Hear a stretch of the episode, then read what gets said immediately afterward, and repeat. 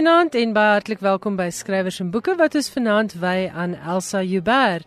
Hierdie gevierde 60er skrywer, veral bekend vir die swerfjare van Poppy Nongena, het onlangs haar 95ste verjaarsdag gevier en sommer terselfdertyd 'n nuwe boek bekend gestel. Dit heet Spertyd en dit is die derde deel van 'n drie-luik outobiografie wat ingelei is deur Wonderlike Geweld in 2005 en Reisiger in 2009. In Spartyd fokus Elsa Joubert op haar latere jare in 'n aftreeoord in Kaapstad, maar sy neem ook die leser terug na haar kinderjare en na haar jonger jare. Dis 'n lieflike boek wat baie goeie resensies gekry het En ek het vir Suzette Kotse Meiberg gevra om met Elsa te gesels in die aftreeoord in Kaapstad waar sy die afgelope paar jaar woon. En hulle gesels oor spertyd, die swerfjare van Popinongena, Elsa se siening van Afrikaans en tussendeur sommer 'n klompie lewenslesse. Tussendeur luister ons ook na van Elsa Joubert se gunsteling musiek, onder andere Johnny Raakvat uit David Kramer se Karoo Gitaar Blues en die baie bekende Zorbas Dans. Hier is Suzette Kotse Meiburg in gesprek met Elsa Joubert. Geniet dit.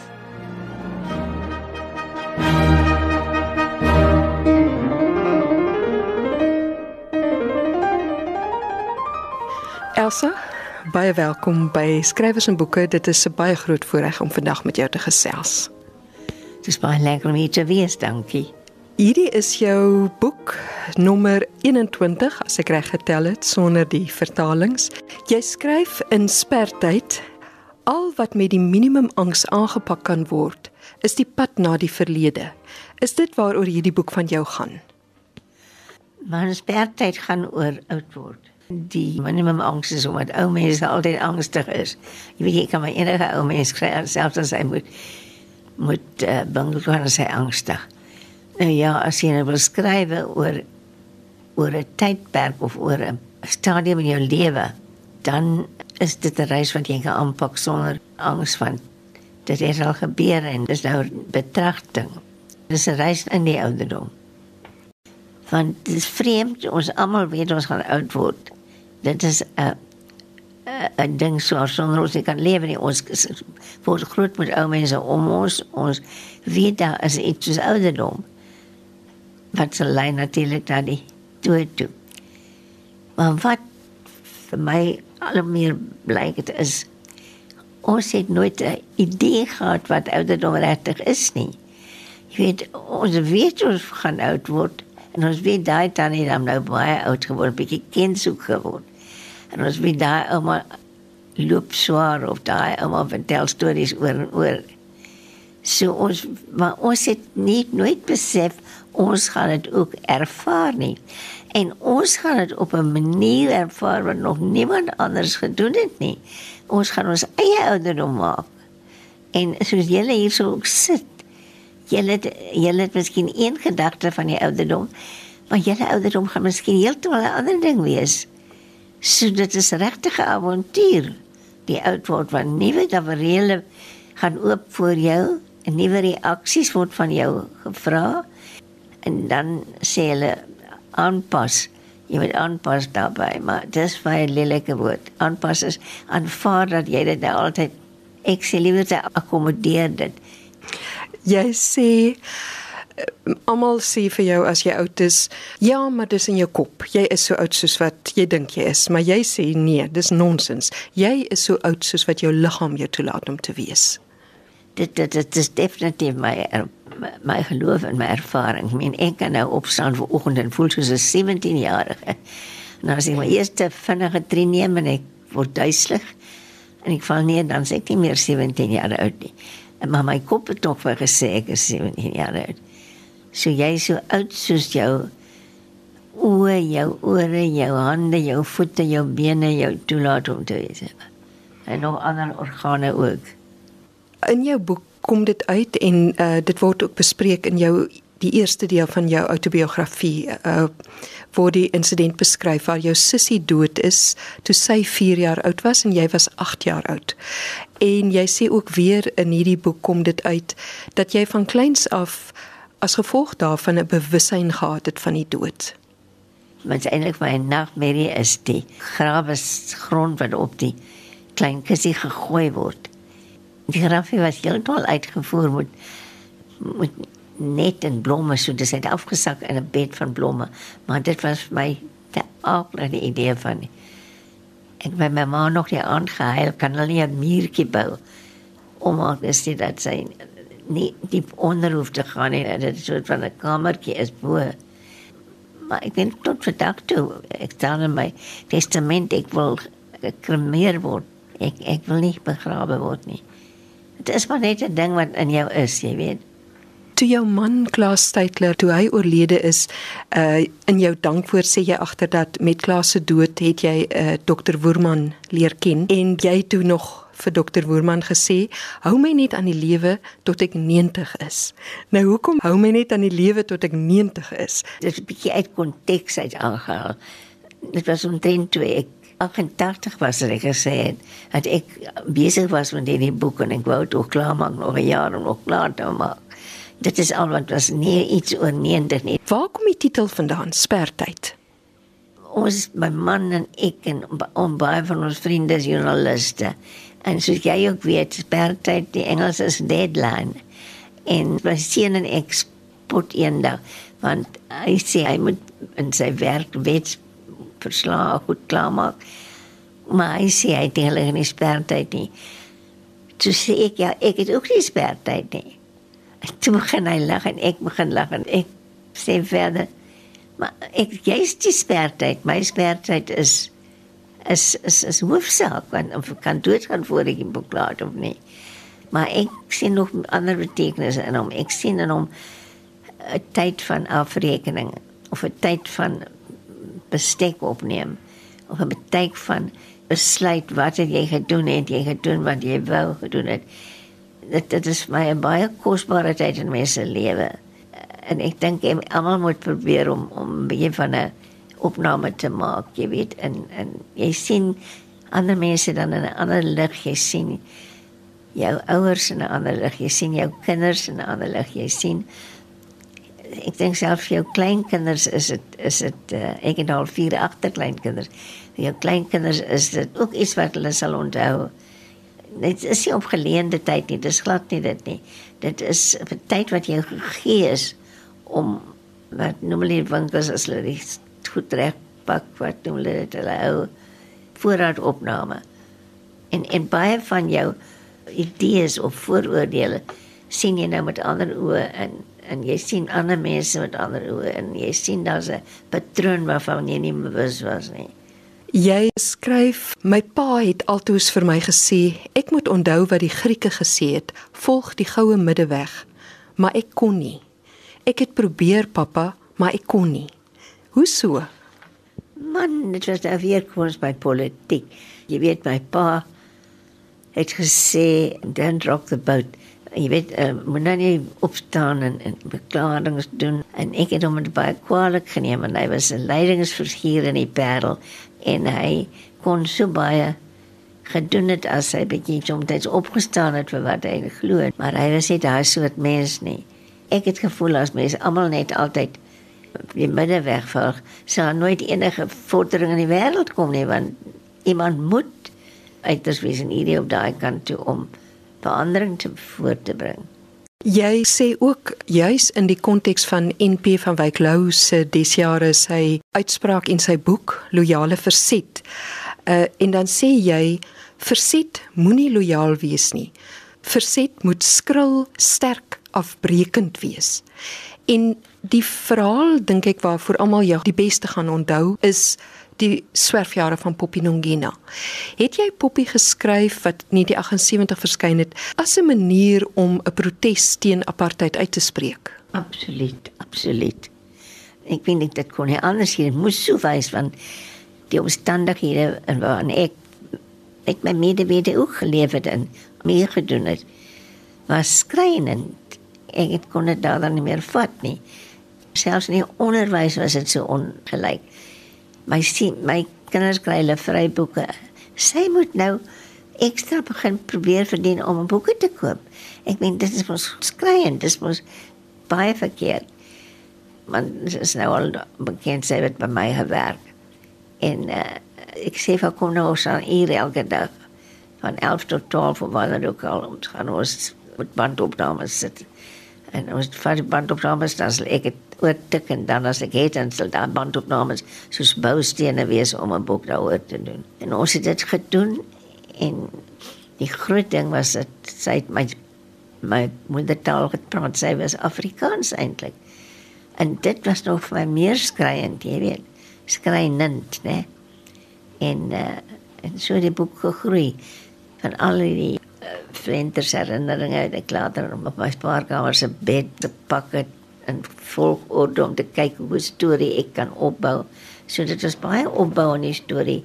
Want Pies vertel nie 'n storie van die begin tot einde, jy vertel mos Flanders. En die reaksie binne die Afrikaanse wêreld van die tyd. Jy was deel van 'n mens van maar die woord gebruik. Jy was deel van die establishment. Jy was toe al 'n baie gevestigde skrywer, bekroonde skrywer. Het daar negatiewe reaksie na jou toe gekom as gevolg van hierdie storie wat jy vir Afrikaanse mense, Afrikaanse lesers net oopgemaak het? Uh, Poppy het 'n enorme invloed gehad binne die hele Afrikaanse wêreld het jou eie mense, as ek dit so kan sê, het hulle jou gekritiseer?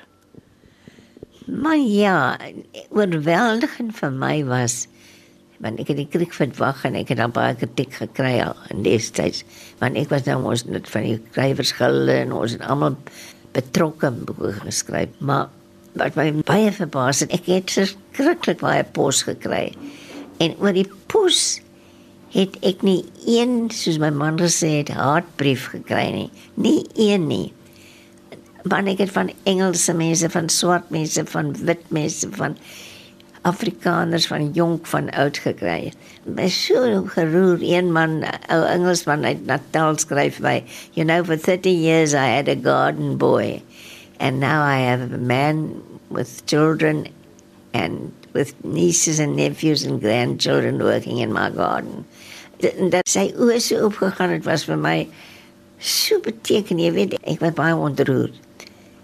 Eh, wat mense betref het een was baie vooraanstaande man op 'n regeringsvlak en 'n ander een was of was sy vrou en die ander was 'n vrou van 'n predikant en die ander het hulle by baat gevind het uit die apartheid stelsel en eh, hulle uh, sê vir my die een ek het weer aan aan etenstafel het ek het ek iets gesê en dus die nou as geëet het dus in die slaapkamer kom om ons nie sit en boeie toe toe wat sy men na die venster toe en sy sê by hulle hoog opgewoon. Kan jy sien daar onder lê die hawe en daar lê baie skepe nou klim op een en gaan weg. As ons so sleg is vir jou klim op een van die skepe en gaan weg.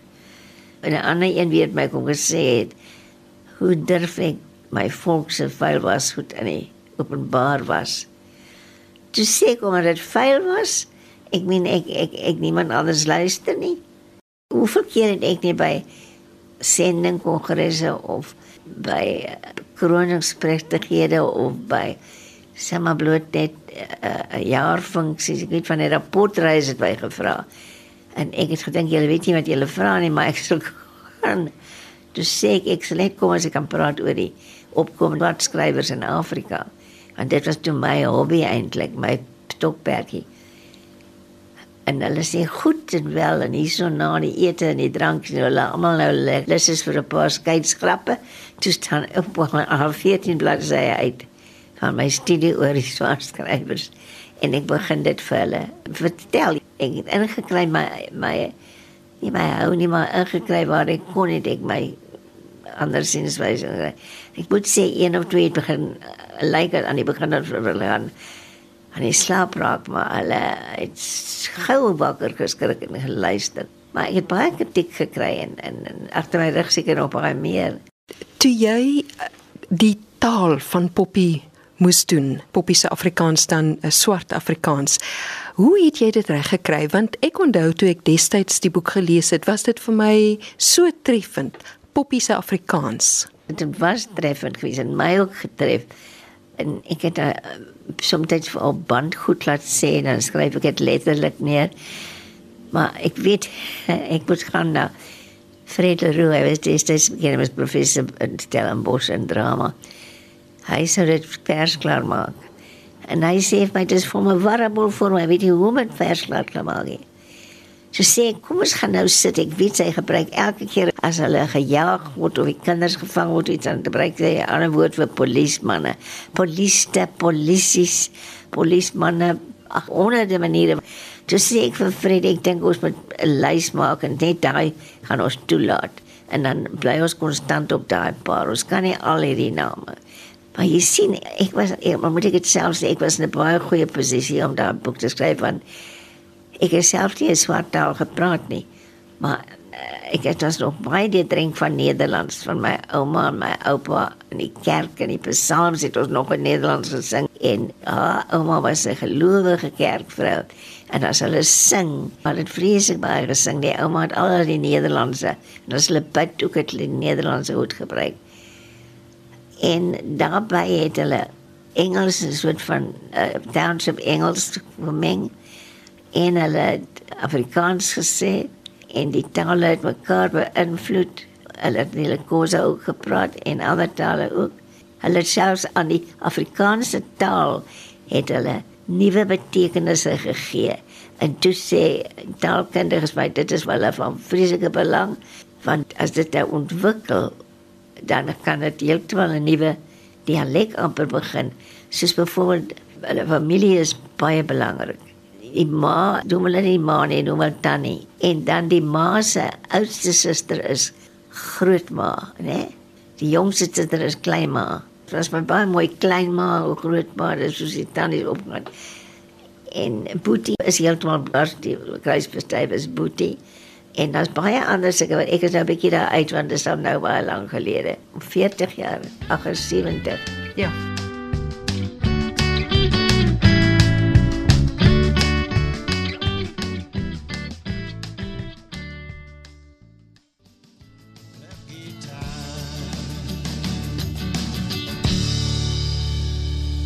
Elsa, jy was jou lewe lank 'n reisiger. Die tweede deel van jou autobiografie se titel is Reisiger. Is daar 'n reis wat jy kan uitsonder as iets wat uitstaan? Man, my reise in Afrika. Ek is as kind baie beïnvloed want my ma was 'n Marie en die Maries was sendlinge in Nyasaland en ook in Noord-Transvaal, daai streke.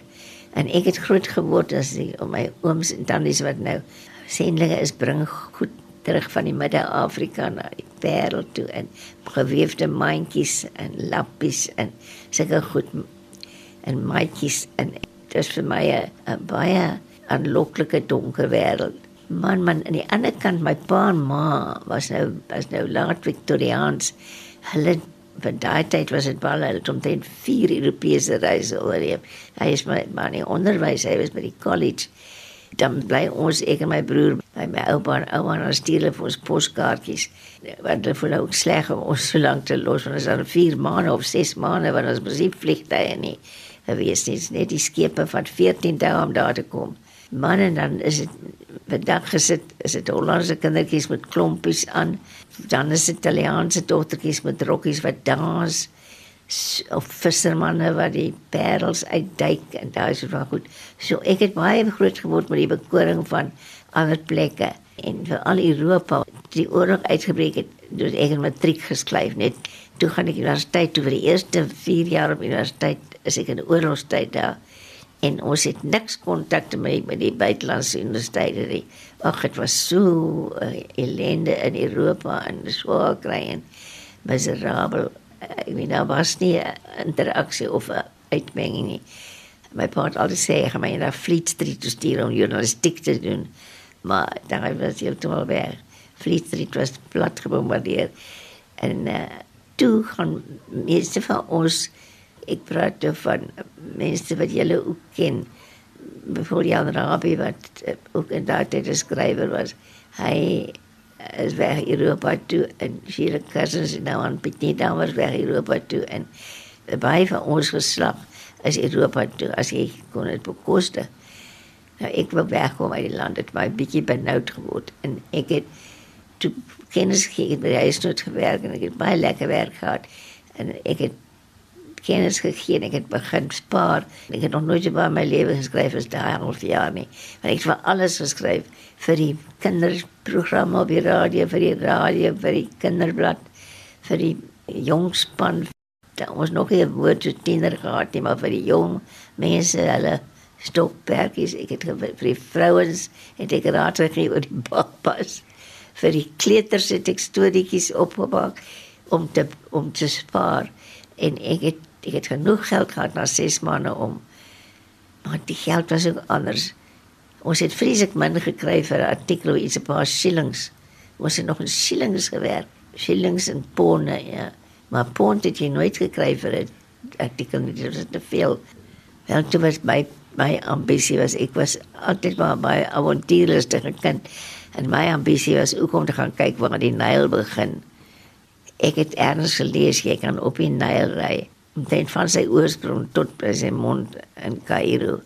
Dit was 'n nou my ambisie om dit deur Afrika te doen. Alleen man en en met min geld. Afrika was al baie troebel nog. Dit was alles kolonies wat bietjie onrustig was oral. Dit was in 1948 het ek dit gedoen. Ek het nooit onveilig gevoel nie. Vir my was dit nou vir hulle aardigheid dat 'n jong meisie daar kom en hulle voete geval om my te help. Jou groot Afrikaanse roman is Die reise van Isabel wat ook die Hertzogprys gekry het. En in Die reise van Isabel trek jy eintlik al hierdie wêrelde bymekaar van jou ouma se Victoriaanse lewens, jou paale tot in die moderne wêreld mens kan sien soos die boek vorder, raak jou taal ook meer modern. Is die reis van Isabel vir jou ook jou groot roman of is daar 'n ander een wat jou nader aan die hart lê? Man, reis van Isabel het ek gedoen wat ek wou, ek wil 'n hele eeu in in, in swart en wit op papier hê. En dit ontstaan van in Engeland na Poppy se vertaling van die series.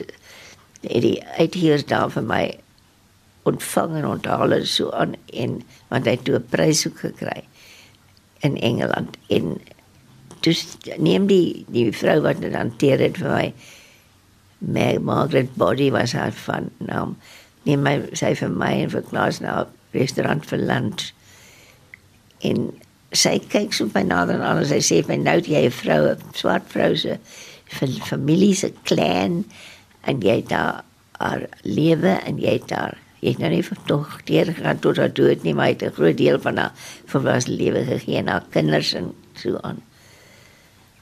Nou wanneer gaan jy vir ons die ander kant van die prentjie gee? Dit is nou 'n wit vrou se klein en sy afkoms en hoe sy in Afrika gekom het en dan haar opvoeding met drie geslagte kry. En toe was dit 'n baie regtige uitdaging. My ma was al oorlede en my pa ook ek nog 'n tante gehad dan Lizzie wat Stellenbosch gewoon is, sy afgetrede onderwyseres, sy was al in die 90. Ek was nou baie na na, ek was al wat sy eintlik gehad het om haar sake wat doen, sy het nooit getrou nie. Sy het die kinders gehad nie, sy het vir my kinders gebrei en daai soort van dinge gedoen. En sy word 94 en ons is toe Stellenbosch die dag en ons gaan al aan Lizzie uit om te gaan stem. Ons uitstel sal toe en wie het die mevrou daar die die beampte uh, boekie opmaak en hy sien haar geboortedatum is nie 1890 of is is haar geboortedatum. Toe sy eintlik so verbaas en sy sê sy is laat soos goud op as sy nie wat doen na die bokkies toe om te stem. En en, en ons ry klaar en ek ry terug kom toe. Was dit dan bos en ons is heeltemal stil want ons is nou onder die indruk van Anlesie se ouderdom en wat sy doen. En die skiedenis wat om ons plaas van en ek skielik kry ek gedagte ek sê ek gaan lees as die middelpunt vat en sy het nou heeltemal 3 eeu heeltemal belewe sy is gebore in die 19de eeu en sy sterwe aan die einde van die 20ste eeu toe word sy die tannie in my boek. En jy is nou self baie naby ook aan daai eeu terug by spertyd so met 'n draai jou eerste deel van jou autobiografie 'n wonderlike geweld. Uh, sê jy dat die jeug is 'n vorm van 'n wonderlike geweld. Maar is die ouderdom nie ook 'n vorm van 'n geweld nie? Dit is nou baie interessant wat jy sê, nog nooit daaraan gedink nie. Die jeug is natuurlik as jou hormone begin samespeel en jy begin dinge doen wat jy nie gedink het jy sou doen nie. En ouderdom weer is jy môre pad gee. En nou maak dit baie saak wat jy doen nie. Of hoe sê jy sê die wonderlike geweld van ouderdom? Ek dink die aftakeling. Ek sal nie sê dis 'n geweld aan die ouderdom nie. Dis gebrek aan geweld eintlik. Maar jy jy is nie emosioneel so betrokke by alles nie. Jy gee nie so baie om nie. Ek gaan nie sterf vanaand uit frustrasie as dinge een of ander manier bekeerd loop of so nie. Jy weet jy jy, jy is binne toegespits in die hede. Jy sê ook in jou boek in spertyd uh, gee jy hierdie pragtige beskrywings wat jy sê hoe jy baie meer bewus word van jou liggaam uh en die liggaamlikheid wat die ouderdom bring. Jy sê wanneer 'n mens baie oud word soos ek, is dit asof jou liggaam al hoe meer op die voorgrond kom en dan beskryf jy hoe jy jou liggaam meer waarneem in die ouderdom. Ja, die liggaam is so baie wonderlik. Jy kan vir ure kyk na die vingers van jou hand en hoe hulle beweeg en sit die twee vingers die ander in mekaar, die vingers vleg aan mekaar en probeer dan kyk of jy die een wat jy aan dink kan beroer, kan roer en soms kan jy nie, jy weet jy, ek wil die vierde vinger van die linkerhand roer en hy wil nie roer nie. Dit is net dit is 'n super wonderlike goed in in in die liggaam. Hoe werk dit alles? Ek het ver gaan om my dogter te sê sy my met kinders wat matriek fisiologie boeke vir my stuur en ek dit kan lees 'n bietjie meer die terme kan weet en so aan. Jy skryf ook oor identiteit in spertyd en hoe jy baie wonder daaroor en dan uiteindelik oor my behoefte aan selfomskrywing. Ek het daarby uitgekom. Ek dink Afrikaans, ek praat Afrikaans, ek is Afrikaansprater. Oor die kwessie van identiteit in 'n mens se ouderdom, hoe sien jy dit? Man, ek weet nie ons is saam uitsonderlik en ons het met een identiteit groot geword en dan skielik is dit weg. Kyk jy hoor nie meer eintlik aan Afrikaner of jy weet dit is nie meer 'n groepnaam nie. Jy daar's groepies Afrikaners wat ek weet nie by wie ek my vereenselwig nie. Ons het eintlik ons identiteit was nog nie vas nie. As jy iets oor oor praat en sê almal ag nee wat ons praat nie daaroor nie. Jy daai daai kry jy dikwels en dit is my verkeerd want mens moet praat oor 'n ding wat jy aandeel in gehad het. Nie aandeel nie, maar jy het daaronder geleef. My kinders sê vir jou, hoe kon ons daaronder geleef het? Ek sê maar wat moet ons nou doen? Wat kan jy doen? Poppy het altyd sê jy kan nie weet wat jou hande breek nie. En dit dit het tog vir ons soek geld.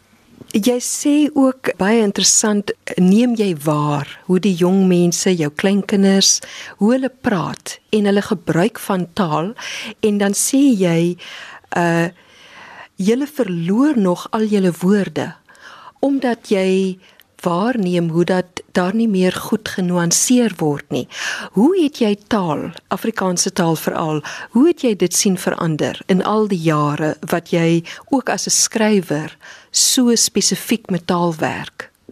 Man, ek weet nie jy as joernalis nou jy wat werk meer met taal elke dag. Weet jy of jy dit voel of nie, maar ek het gevoel die kinders nuanceer nie meer nie. Hulle hulle is een woord vat vir alles en maar alles oor hierdie duime en die en die selfone wat my bietjie kwaad maak of my bietjie ongelukkig laat voel. As ek met kinders in 'n motorkar is of erns is was ek tog uitgaan met my kinders. Man, hulle gesels ook nie altyd met mekaar nie. Hulle is net daai goeie. Dit is vir my baie betreurenswaardig. Dit is verarmend gaan lees 'n paar van die ou Afrikaanse boeke, die heel ou is Microsin of of een van daai boeke. En hulle gebruik woorde wat ons nog nooit gehoor het nie. Alles het ons verloor. Geld dit ook vir lees want daar's die baie interessante stuk in in jou boek. Jy na 'n operasie is jy in die hospitaal vir 'n lang tyd en jy het geweldig baie gelees soms deur die nag en dan beskryf jy hoe bekommerd die verpleegpersoneel is net omdat jy so baie lees dat daar een is wat amper kom vra is, is is jy nog reg? So gaan dit saam dan ook Die taal wat verander, gaan dit saam met lees. Ek moes daar uitvind tot by skande moes ek uitvind. Daar is nie net 'n nuwe woord wat vir my so in die krop steek, papierboek. Daar is dit gaan nie meer net oor papierboeke nie, vir my het dit net gegaan oor papierboeke. Ek lees nie woorde voor hoor nie. As dit gaan oor lees nie algemeen, want my dokter het my die vorige die volgende oggend so opgetrek toe ek vir hom sê niemand lees hier nie. Toe haal hy sy selfoon uit en hy druk 'n knop en hy sê maar ek lees maar ek lees as ek by robot kom alles op my selfoon. Nou dit bly nie vir my dieselfde nie. Maar die taal wat verarm, dink ek gaan saam met elektronika. En uh, die elektronika lees doen 'n afbreek aan hele begrip boek. Kyk uit 'n boek se hele voorkoms en alles kom jy mos iets agter. En dit kan 'n elektroniese boek nie vir jou gee nie. Elsa, ek wil afsluit met so 'n mooi woord wat jy gebruik wat jy self geskep het, dink ek, binnestilte. In die laaste deel van die boek praat jy oor 'n mens se kom ons sê magiesterlike belewing en jy sê ek kan myself net vind as ek stil is. In elkeen van ons is daar 'n ingebore kern van stilte. Beskryf 'n bietjie daardie begrip van die binnestilte. Man binnestilte is eintlik 'n mens se kern dink ek. Woorde om geestelike goed met te beskryf is moeilik om te kry want almal beteken dit iets anders. Nie kan kan sê presies wat dit is nie. Wie weet wat siel is. Jy weet ons ons weet nie wat dit is nie. En binnestilte is vir my beskrywend van iets binne in ons. Ander mense het siel noem, ander mense het jou kern noem, ander mense het iets anders noem, maar dis iets baie kosbaar wat diep binne in jou is. Ons kan geen daar verby gaan sonder om daaraan te bly. Maar as jy jou toewy daaraan om jou af te sluit van al die miljoene goed om jou wat jy aandag wil kry meeste mense sê dat begin met jou asemhaling om jou asemhaling dop te hou dan kom jy in daai stilte. En een middeleeuse skrywer het my so mooi gestel in sy boek The Cloud of Unknowing. Die cloud of unknowing is so waar die binneste stilte en waar die goedheid alles is wat ons nie kan kom nie. Maar dan dan gee jy vir 'n bietjie raad. Hy sê eers moet jy al die ander goed onder 'n cloud of forgetting sit Nou as jy dan jou kinders en jou huishouding en jou klere en jou vriende en jou tuin en al daai goed onder die cloud of forgetting het, dan is jy al op pad om om om by binnestilte uit te kom. En dan kom daar 'n vrede oor jou en 'n regte stilte. En in daai vrede of in daai binnestilte wat almal het dit nie net aan sekeres gegee nie, maar moet net opspoor. Dan kry jy helderheid en jy kry 'n uh, rustigheid en jy kry 'n 'n 'n 'n nuwe perspektief. En jy kry wat die Bybel praat van die koninkryk van die hemele wat die Here gesê het is in jou. En en dit is, is alles werksaam, is net woorde wat anders is. En wat is die dood dan? Jou beskrywing, jou siening daarvan? Dis nou moeilike vraag die. Want ek het een hoofstuk die voorlaaste hoofstuk klaar geskryf met 'n baie poëtiese voel van die dood dat jy as jy hierso in daai binne stilte al meer probeer lewe, dan is dit net verder gaan en daar binne stilte nou dis nou baie mooi. En toe moet ek weer skielik hospitaal toe gaan. Ek ken daai laaste toneel. En op in die hospitaal word daai hele toneel aan my op 'n skinkbord gegee. En ek durf dit nie weier nie. Uh, jy weet daai die hele uh, oomblik daar in die badkamer. Ek het baie ontsteld gevoel die oggend dat ek sê vir die dokter toe hy kom. Hy vra hoe gaan dit nie gaan goed man, bring net 'n bier en 'n potlood en hy bring dit toe vir my daar en het, ek sit en skryf die hele ding net soos dit ervaar het. En ek het nie 'n woord verander nie, ek het huis toe gekom En ek op my sien gaan uithaal en ek het dit gaan oortik daar. En ek het nie 'n woord verander nie want ek het gevoel dis soos dit aan my gegee is. En ek kry nooit hierdie dinge ingewe. Dit is nie ek ek is nie een van daai begenadigdes wat 'n ingewing gegee word nie. Want dit is 'n gegee, toe voel ek ek moet dit so skryf. En daar eh, weet mens nog minder wat die dood is. Is dit net 'n 'n blaartjie wat toevou? As dit nag word, is dit net 'n stoffie wat opkom in die pad en dan gaan lê. Maar wat in maar ek probeer sê dat die blaartjie en die stoffie wie ook al voor hulle gaan lê, voor hulle uitgewis word sien kyk kyk hulle in die ek wou gesê die aangesig van van glorie of van skoonheid of van krag. Jy gebruik so 'n mooi begrip daarvoor die skepende krag wat die hele wêreld en die al wat bestaan omvat. Elsa baie baie dankie vir die gesprek en ek wens jou nog jare toe. Baie dankie. Dankie hoor, baie dankie. Wat 'n wonderlike insiggewende gesprek. Baie dankie Elsa Joubert dat jy met Suzette Kotse Meiburg gesels het en baie dankie ook vir Heidi Miller wat saamgegaan het om vir Suzette bietjie met die tegniese dinge te help. Hy het ook 'n video geneem wat op ons webwerf te sien is en daar lees Elsa Joubert voor uit Spertyd haar nuwe boek. Die boek word uitgegee deur Tafelberg en dit kos R275 En Spertyd is 'n wonderlike besinning oor die lewe en beslis een van my persoonlike leeshoogtepunte van 2017. Stuur gerus 'n e-pos en vertel vir ons wat het julle van vanaand se gesprek gedink. Skrywers en boeke by rsg.co.za of via die webwerf direk na ons ateljee of natuurlik kan jy soos altyd 'n SMS stuur na 45770. Ons het ook van Elsa Joubert se gunsteling musiek in die program gespeel, onder andere Johnny Raakvat uit die Karoo Gitaar Blues van David Kramer en Zorba se dans. Die program is ingelei deur 'n stukkie uit Beethoven se 5de klavierkonsert en ons gaan ook uitspeel vanaand met 'n stukkie van Beethoven. Volgende Woensdag aand om 8uur is ek terug met nog gesprekke oor skrywers en boeke.